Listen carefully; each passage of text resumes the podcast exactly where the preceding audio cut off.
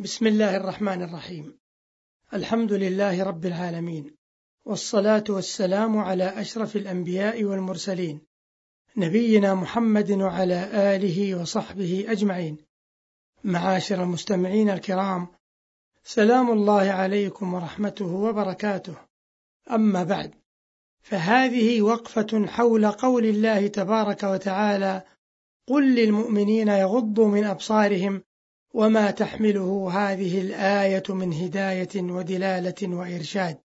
فالله عز وجل يقول في هذه الآية إن تقل للمؤمنين غضوا من أبصاركم يغضوا منها أي أنهم سوف يبادرون إلى ذلك لأن إيمانهم بالله يقودهم إلى امتثال أمره واجتناب نهيه ولعلمهم بأن الله لا يأمرهم إلا بما فيه صلاحهم وفلاحهم في العاجل والآجل ولا ينهاهم عن شيء إلا وهو ضرر عليهم في دنياهم وأخراهم. والحديث ها هنا سيكون حول هداية هذه الآية وحول غض البصر وما يورثه من ثمرات وحول إطلاق البصر وما يجلبه من معاطب. جاء في صحيح البخاري عن ابن مسعود رضي الله عنه قال كنا مع رسول الله صلى الله عليه وسلم فقال من استطاع منكم الباءة فليتزوج فإنه أغض للبصر وأحصن للفرج ومن لم يستطع فعليه بالصوم فإنه له وجاء. قال ابن حجر رحمه الله في شرح الحديث الوجاء رض الخصيتين وقيل رض عروقهما ومن يفعل به ذلك تنقطع شهوته ومقتضاه أن الصوم قامع للشهوة. انتهى كلامه. ففي هذا الحديث إشارة إلى فائدة كبرى من فوائد الصوم ألا وهي غض البصر وإحصان الفرج. فالصائم ينال هذه الفضيلة ويسلم من معاطب إطلاق البصر وآفاته. فالآية الكريمة الآنفة وهي قوله تبارك وتعالى قل للمؤمنين يغضوا من أبصارهم ويحفظوا فروجهم ذلك أزكى لهم أمر بغض البصر والحديث الشريف الماضي وسيلة من أعظم الوسائل المعينة على غض البصر ولزوم العفة فالعين مرآة القلب وإذا أطلق الإنسان بصره أطلق القلب شهوته ومن أطلق بصره دامت حسرته فأضر شيء على القلب إرسال البصر فإنه يريد ما يشتد إليه طلبه ولا صبر له عنه ولا سبيل إلى الوصول إليه وذلك غاية ألمه وعذابه. ثم إن النظرة سهم مسموم من سهام إبليس كما جاء في الحديث وشأن السهم أن يسري في القلب فيعمل فيه عمل السم الذي يسقاه المسموم. فإن بادر واستفرغه وإلا قتله ولا بد. وكذلك النظرة فإنها تفعل في القلب ما يفعله السهم في الرمية فإن لم تقتله جرحته. والنظرة بمنزلة الشرارة ترمى في الحشيش اليابس فإن لم تحرقه كله أحرقت بعضه كما قيل. كل الحوادث مبداها من النظر ومعظم النار من مستصغر الشرر. كم نظرة فتكت في قلب صاحبها فتك السهام بلا قوس ولا وتر والمرء ما دام ذا عين يقلبها. في أعين الغيد موقوف على الخطر يسر مقلته ما ضر مهجته لا مرحبا بسرور عاد بالضرر. والناظر يرمي من نظره بسهام غرضها قلبه وهو لا يشعر. قال المتنبي وأنا الذي اجتلب المنية طرفه فمن المطالب والقتيل القاتل؟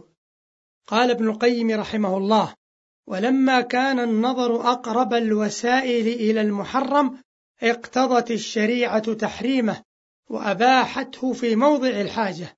وهذا شأن كل ما حرم تحريم الوسائل فإنه يباح للمصلحة الراجحة. قال جرير بن عبد الله رضي الله عنه سألت رسول الله صلى الله عليه وسلم عن نظر الفجأة فأمرني أن أصرف بصري. قال ابن القيم رحمه الله ونظر الفجأة هي النظرة الأولى التي تقع بغير قصد فما لم يتعمده القلب لا يعاقب عليه. فإذا نظر الثانية تعمدا أثم فأمره النبي صلى الله عليه وسلم عند نظر الفجأة أن يصرف بصره ولا يستديم النظر فإن استدامته كتكريره. انتهى كلامه رحمه الله. فما أحوجنا أيها المستمعون الكرام إلى غض البصر وإلى ما يذكرنا به خصوصا في هذه الأزمنة التي كثرت فيها الفتن وتنوعت حيث التبرج والسفور والمجلات الهابطة والأفلام الخليعة والقنوات الفضائية والمواقع الإلكترونية التي تغري بالرذيلة وتزري بالفضيلة فغض البصر بإذن الله أمان من الفتنة وسبيل إلى الراحة والسلامة. فإذا غض العبد بصره غض القلب شهوته وإرادته. قال الله تبارك وتعالى قل للمؤمنين يغضوا من أبصارهم ويحفظوا فروجهم ذلك أزكى لهم. قال شيخ الإسلام ابن تيمية رحمه الله فجعل سبحانه غض البصر وحفظ الفرج هو أقوى تزكية للنفوس وزكاة النفوس تتضمن زوال جميع الشرور من الفواحش والظلم والشرك والكذب وغير ذلك. انتهى كلامه. وقال ابن الجوزي رحمه الله والواجب على من وقع بصره على مستحسن فوجد لذة تلك النظرة في قلبه أن يصرف بصره. فمتى ما تثبت في تلك النظرة أو عاود وقع في اللوم شرعا وعقلا. فإن قيل فإن وقع العشق بأول نظرة فأي لوم على الناظر؟ فالجواب أنه إذا كانت النظرة لمحة لم تكد توجب عشقا. إنما يوجبه جمود العين على المنظور بقدر ما تثبت فيه وذلك ممنوع منه. ولو قدرنا وجوده باللمحة فأثر محبة سهل قمع ما حصل إلى أن قال رحمه الله. فإن قيل فما علاج العشق إذا وقع بأول لمحة؟ قيل علاجه الإعراض عن النظر. فإن النظرة مثل الحبة تلقى في الأرض. فإذا لم يلتفت إليها يبست وإن سقيت نبتت. فكذلك النظرة إذا ألحقت بمثلها.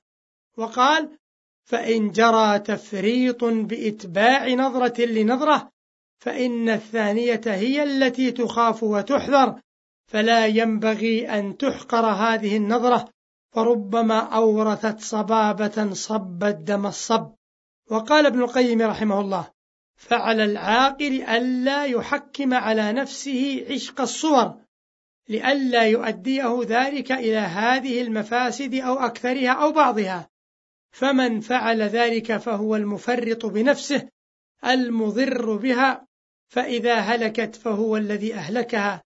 فلولا تكراره النظر إلى وجه معشوقه وطمعه في وصاله لم يتمكن عشقه من قلبه. انتهى كلامه رحمه الله.